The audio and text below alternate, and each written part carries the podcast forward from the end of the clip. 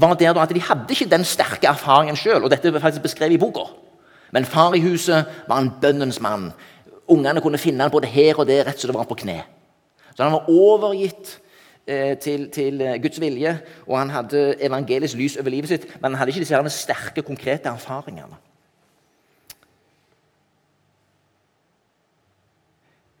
Det som eh, er viktig å ha med seg, det er at eh, vi i dag lever i en annen tid. Der forkynnelsen av Kristusbudskapet ikke nødvendigvis gir den samme effekten fordi vi ikke har den samme tydelige bildet av at Gud er der. Tenk å begynne hver skoledag de gikk jo på skole så å si annenhver dag. Med første time var kristendom, salmevers, pugging av salmevers og læring av bibelhistorie. Jeg har sett en del av disse lærebøkene fra den tida. Der kan du bla opp, og så ser du eh, ei halv side om profeten Amos. Så får du innsikt i hva tid Amos opererte i, og eh, eh, hva han hadde for seg. Noen som vil rekke opp hånda og fortelle hva Amos Jeg kan heller ikke det. Eller kunne det iallfall ikke. Greia er at de hadde mye kunnskap. De aller fleste nordmenn hadde mye mye kunnskap om Gud, om Bibelen. Og inn i dette så kunne vekkelsene virke. Og det å få høre evangeliet kunne være utrolig frigjørende, sånn som det var fra Augustina-munken Luther. Det som jeg er litt opptatt av ennå, det er at eh, vi setter hverandre fri fra å forlange av oss sjøl at vi skal ha noen helt bestemte, frigjørende Kristuserfaringer i livet vårt for å kunne kvalifisere oss til uh, enten å kalle oss kristne eller til å uh, ja, kjenne at vi kan være en del av dette fellesskapet. Jeg tror faktisk det er litt viktig at uh, vi snakker litt om dette. Fordi betoningen av denne tilstanden, å være en frikjent synder, er viktig. Det er, det er, en, det er en, basic ting. Men samtidig kan det formidles på en måte som kan gjøre oss ufrie eller forlegne fordi at vi ikke har den bestemte erfaringen. Dette syns jeg er litt viktig å si. Fordi vandringen med Herren er et livslangt prosjekt. Der, der, farten og utviklingen kan være så forskjellig. Eh, der åpenbaringen er forskjellig. Men jeg tror det er viktig at vi setter hverandre fri fra at det skal erfares på en bestemt måte.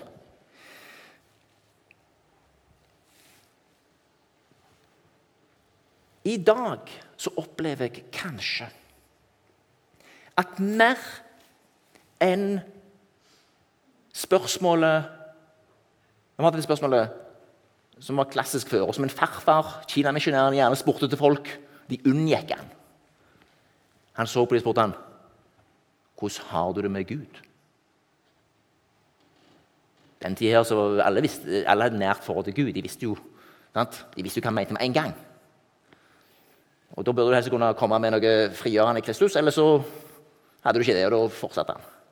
Men hvis du stiller det spørsmålet i dag Hvis jeg kjører den samme øvelsen i dag på folk, så er jeg ikke sikker på om du nødvendigvis kan gjøre den samme gjerning som du kunne den gang.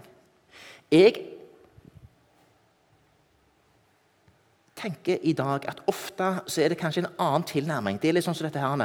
Mange av dagens mennesker, enten vi kaller oss kristne, oppvokst i kristne sammenhenger eller ikke, tror jeg kan ha jeg tror ofte det er lengselen etter erfaringen av å bli berørt av Gud. Lengselen etter å komme inn i en erfaringsdimensjon av Gud. At han er der. Av det åndelige. Jeg tror dette kan skje på forskjellige måter. For mange så tror jeg at det kan være i lovsangen. Jeg sto her under lovsangen og kjente at det var deilig å, å, å, å være her. Jeg kjente at lovsangen gjorde godt. For mange er det å hengi seg i tilbedelsen og lovsangen et viktig språk. Det var det for en kar som het David. Da de hentet opp paktkista fra Gibea og kom opp til Jerusalem med den, så danser og lovsynger han så mye at kona blir flau av han. Og hun kjefter på han etterpå. Han var helt med. Han var helt med i hengivelsen og tilbedelsen og syntes det var bare helt fantastisk. det som skjedde. Endelig kom paktkista opp til Jerusalem. Men kona var flau av han. Det, dette er et språk som jeg tror mange har, der de kommer inn i tilbedelsen. og Derfor tenker jeg at lovsang og musikk er et veldig viktig språk i dag. Og det må ikke settes opp mot det som går på å finne ro i Kristus og få en avklart tilstand.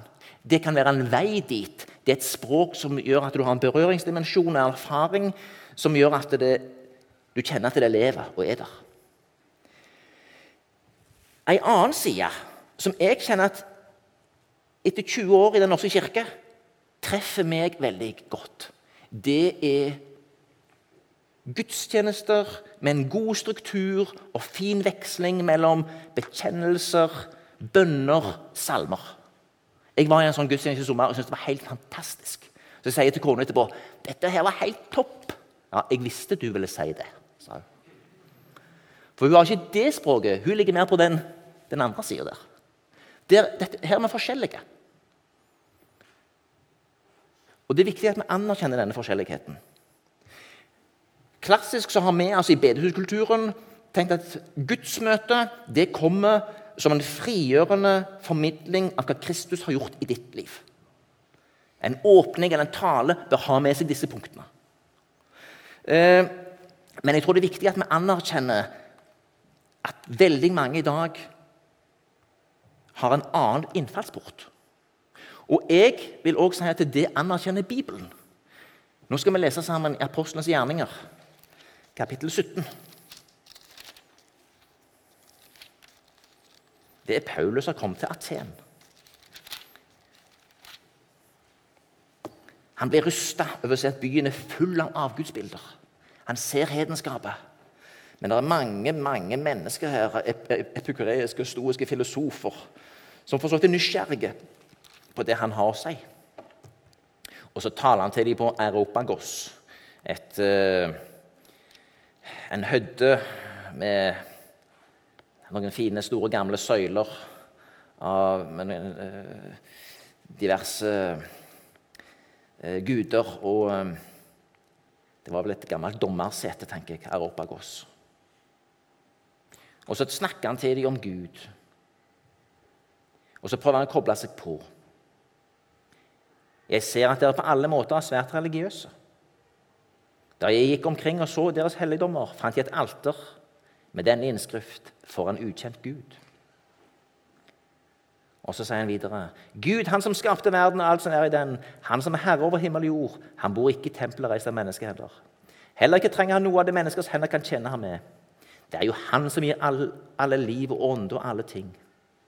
Han lot alle folkeslag som stammer fra et menneske, bo over hele jorden, og han satte faste tider for dem og bestemte grensene for deres områder. Og så kommer det noe interessant her i vers 27. Dette gjorde han for at de skulle søke Gud, om de kanskje kunne føle og finne ham. Jeg syns dette er fint. Fordi her sier Paulus du skal kunne finne ham og du skulle kunne føle den. Dette er litt interessant inn i vår uh, sammenheng, der, vi ofte sier at uh, det hviler ikke på følelser. Ja, det er sant. Den tilstanden i Kristus hviler ikke på følelser. Men samtidig er det en følbar erfaringsdimensjon i troen. Og jeg er bare opptatt av at vi ikke snakker om den frigjørende tilstanden vi er i i Kristus, som om at erfaringen og følelsen av å erfare den er uvesentlig. For det er han ikke. Vi kalles inn i et liv, vi kalles inn i en vandring, vi kalles inn i en relasjon. Og så har vi veldig forskjellig behov tror jeg, for disse erfaringsdimensjonene.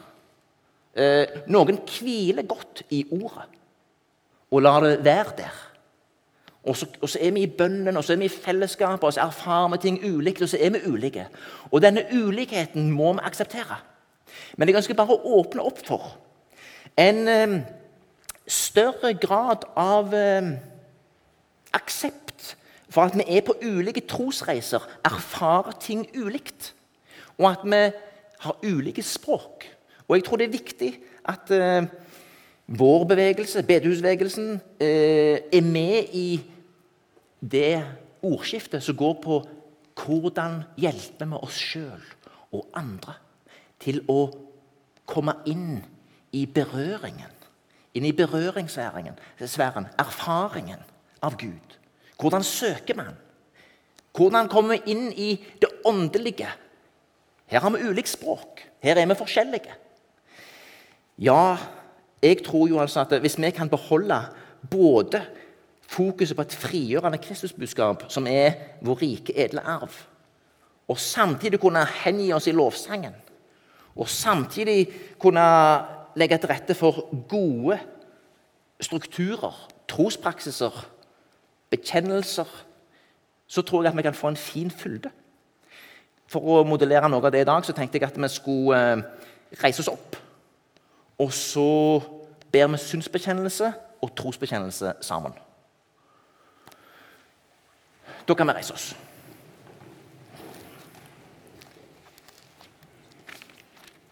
Før vi leser trosbekjennelsen, etter vi har lest synsbekjennelsen, så skal jeg bare lese et lite ord. Skal vi se Hellige Gud, himmelske Far. Se i nåde til meg, syndige menneske, som har krenket deg med tanker, ord og gjerninger, og kjenner lysten til det onde i mitt hjerte. For Jesu Kristi skyld, ha langmodighet med meg. Tilgi meg alle mine synder, og gi meg å frykte og elske deg alene. Bare bli stående. Men dersom vi bekjenner våre synder, er Han trofast og rettferdig, så Han tilgir oss syndene og renser oss for all urett.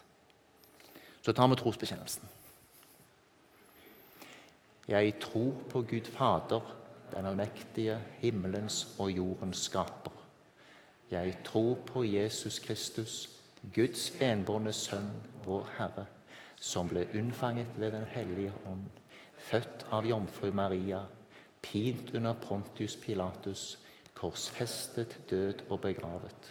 For ned til dødsriket, sto opp fra de døde tredje dag, for opp til himmelen, sitter ved Guds den allmektige Faders høyre hånd, skal derfra komme igjen for å dømme levende og døde. Jeg tror på Den hellige ånd, en hellig allmenn kirke, de hellige samfunn, syndenes forlatelse, legemets oppstandelse og det evige liv. Amen. Vær så god, sitt.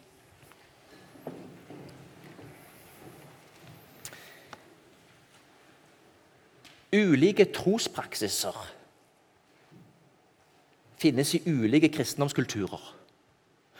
Jeg tror vi er inne i en tid nå der um, det ytre trykket blir såpass stort uh, at skal vi overleve som kristne, så er vi nødt til å hjelpe hverandre inn i de gode trospraksisene som gir oss de gode erfaringene om at det er et liv, at det er en relasjon, at det er en vandring, at det er noe som berører oss, og som du ja, kan erfare.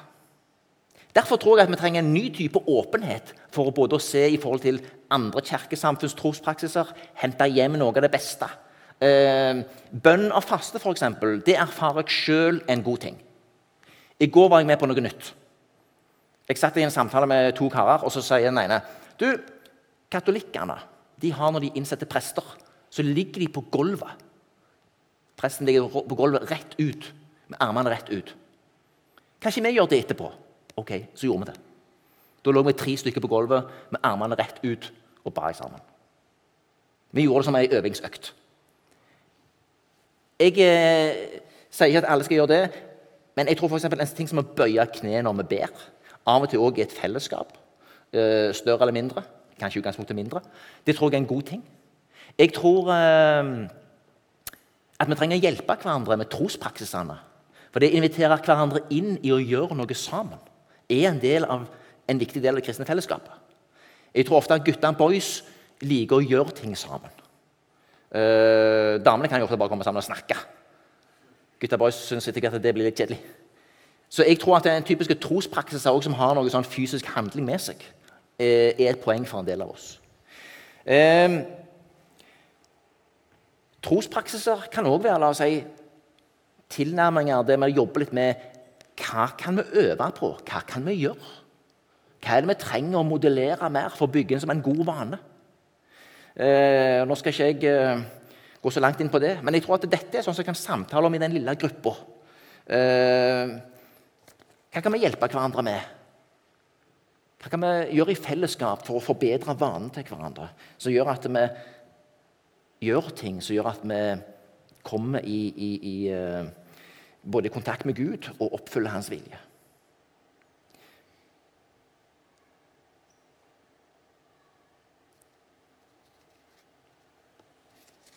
Så vil jeg lese noe fra Johannes. Først noe fra Johannes 10. Sannelig, sannelig, jeg sier dere, den som, går, den som ikke går inn til sauene gjennom døren, men klyver over et annet sted, han er en tyv og en røver. Men den som kommer inn gjennom døren, er hyrde for sauene. Vaktmannen åpner for ham, og sauene hører stemmen hans. Han kaller sine egne sauer ved navn og fører dem ut. Og når han har fått ut alle sine, går han foran dem, og sauene følger ham, for de kjenner hans stemme. Men en fremmed følger de ikke, de flykter fra ham fordi de ikke kjenner stemmen til den fremmede. Denne lignelsen fortalte Jesus, men de skjønte ikke hva den betydde. Da sa Jesus, 'Sannelig, sannelig, jeg sier dere, jeg er døren inn til sauene.' Alle de som er kommet før meg, er tyver og røvere, men sauene har ikke hørt på dem. Jeg er døren. Den som går inn gjennom meg, skal bli frelst, og han skal gå, ut, gå inn og ut og finne beite. Tyven kommer bare for å stjele, drepe og ødelegge. Jeg kommer for dere skal ha liv og overflod. Jesus er døra. Og han er også veien, sannheten og livet. Men han altså er, er altså døra inn til en relasjonsdimensjon med Faderen, Sønnen og Ånden. Videre i Johannes så sier Jesus i kapittel 14 Jeg vil be Faderen, og han skal gi dere en annen talsmann, som skal bli hos dere for alltid. Sannhetens ånd. Verden kan ikke ta imot ham, for verden ser ham ikke og kjenner ham ikke. Men dere kjenner ham for han blir hos dere og skal være i dere. Jeg skal ikke la dere bli igjen som foreldreløse barn. Jeg kommer til dere. Om en liten stund ser ikke verden meg mer, men dere ser meg, for jeg lever, og dere skal også leve. Den dagen skal dere skjønne at jeg er i min far, og at dere er i meg, og jeg i dere. Dette er viktig. Jeg skal ikke la dere bli igjen som foreldreløse barn. Jeg kommer til dere. Om en liten stund ser ikke verden meg mer, men dere ser meg. For jeg lever, og dere skal også leve. Vi kalles altså inn i en relasjon der Den hellige ånd tar bolig i oss. Og vi skal ved Den hellige ånd få se at Kristus er en levende størrelse. Kristus er en levende, fornyende størrelse i vårt liv. For uh, noen uker siden så fikk jeg plutselig dårlig samvittighet for noe. Jeg måtte bekjenne synd for en kristen bror. Jeg ble minnet om det i møte med denne kristne bror. Etterpå kjente jeg det var frigjørende. Og så var det godt å kjenne på at Den hellige ånd jobbet i meg, og at samvittigheten min var levende, og at jeg kunne bekjenne. Men det er litt flaut. Jeg ble fratatt litt stolthet. Vi har ikke kommet lenger enn det. Samtidig er det noe av dette her vi kalles inn i. Vi kalles inn i en åpenhet. Vi kalles inn i lyset. Vi kalles inn i å la Den hellige ånd avsløre oss. Og samtidig så kalles vi inn i og la nok en gang nåden få virke. For som vi leste her i stad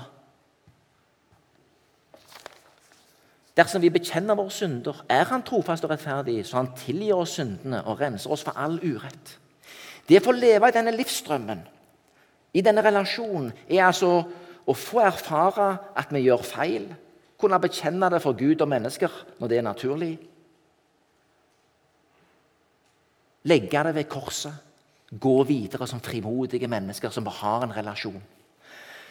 Og frimodige mennesker som kan bevege seg rimelig fritt i et stort landskap. Med alle de forskjellige mennesker som finnes, så finnes det utrolig mange forskjellige tros- og livsreiser. Noen kalles inn i bestemte heltidstjenester. Andre kalles inn i tjenester der de er veldig ensomme og knapt kan eh, være en del av kristne fellesskap. Men jeg tror det er viktig at vi anerkjenner at Gud jobber på så ulike måter. Et vers i Bibelen som jeg ble eh, gjort oppmerksom på av eh, Peter Haldorf i en bok som jeg leste av ham nylig. Det er fra Johannes kapittel 3, vers 8.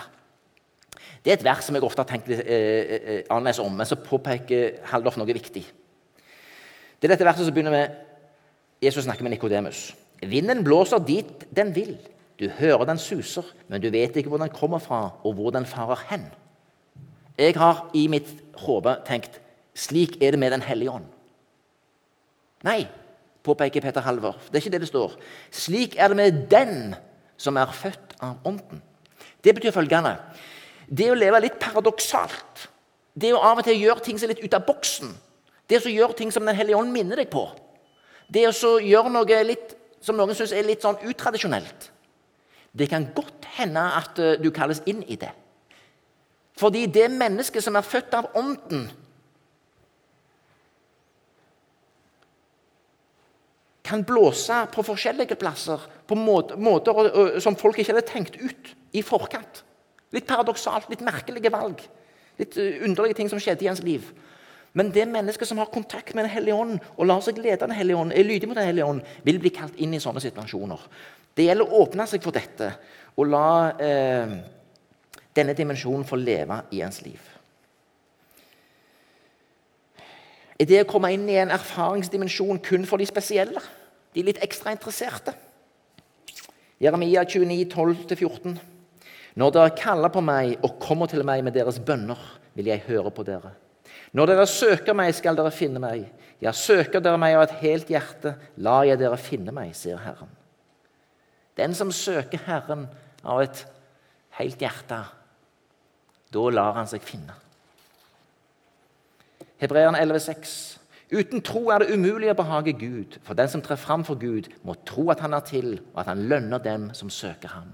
Den som tror på Gud, og den som søker ham, skal ha full tillit til at Gud svarer i sin tid. Men som en av disse her, uh, forfatterne jeg leste i sommer, om det var Magnus Malm eller Peter Haldorf, vet jeg ikke, men en av de sa noe om at uh, når vi ber, så ber vi ofte om en skorpion Eh, men så får vi en fisk. Vi tror vi ber motsatt. Men, men altså, Gud gir oss det vi trenger. Det syns jeg var greit sagt.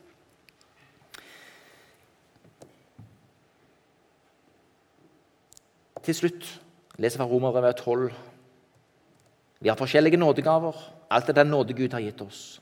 Den som har profetisk gave, skal bruke den slik som troen tilsier. Den som har diakontjeneste, skal ta seg av sin tjeneste. Den som er lærer, skal ta seg av læren. Og den som rettleder, skal ta seg av dette. Den som gir av det han eier, skal gjøre det av et udelt hjerte. Den som er forstander, skal være det med iver. Og den som gjør barmhjertighet, skal gjøre det med glede. Det er mange forskjellige gaver. Eh, gavene deles ut fritt fra Den hellige ånd. Av og til skal du tørre å gå inn i en tjeneste som ikke er helt høyrehånda di, bare for å teste ut det. Kan hende du trenger erfaringen òg. Eh, av og til er det godt å kjenne at du får være med i en tjeneste som virkelig gir deg energi. Det er deilig når du får være der. Du får bruke dine personlige gaver i uh, tjeneste, og bare, du bare blomstrer i det. Um, det er viktig at vi tåler hverandres forskjellighet, det er viktig at vi tåler hverandres åpenbaring. Men jeg tror det er viktig for oss alle at vi får invitere oss sjøl inn i det og bevege oss fra å være frie tjenere som en tilstand i Kristus, til å få en erfaring, en relasjon der det blir et liv og en vandring. Og det er noe jeg tror vi trenger spesielt i vår tid. Vi trenger å gå fra sånn som jeg da, som er oppvokst og født inn i det, fra oppdragelse til åpenbaring. Fra tilstand til relasjon, og la det være et liv. Dette ønsker jeg eh, gjerne å ha samtale med dere om. Hvis noen som tør å invitere meg i en gruppe en gang, så er jeg gjerne med på det. For jeg, jeg tror vi er i en spennende tid der vi trenger å hjelpe hverandre på troens vei på en ny måte nye praksiser, nye erfaringer og nye åpenbaringer. Vi ber igjen. Herre, jeg takker deg for Salem Ung og alle som går her. Herre, jeg takker deg for alt det talent du har lagt ned her. Takk, Herre, for alle erfaringer, gode og dårlige, Herre, som de som er her, har hatt. Men du, Herre, kan bruke alt. Du kan bruke det som er vanskeligst og svartest i oss, og skape noe nytt i. Herre, takk for du kom til oss med din nåde. Herre, takk for at du kom til oss med din Hellige Ånd. Takk, Herre, for at du vil gi hver enkelt av oss et liv, en vandring, en erfaring og en relasjon med deg. Vi legger kvelden videre og uka som kommer, i din hånd. Amen.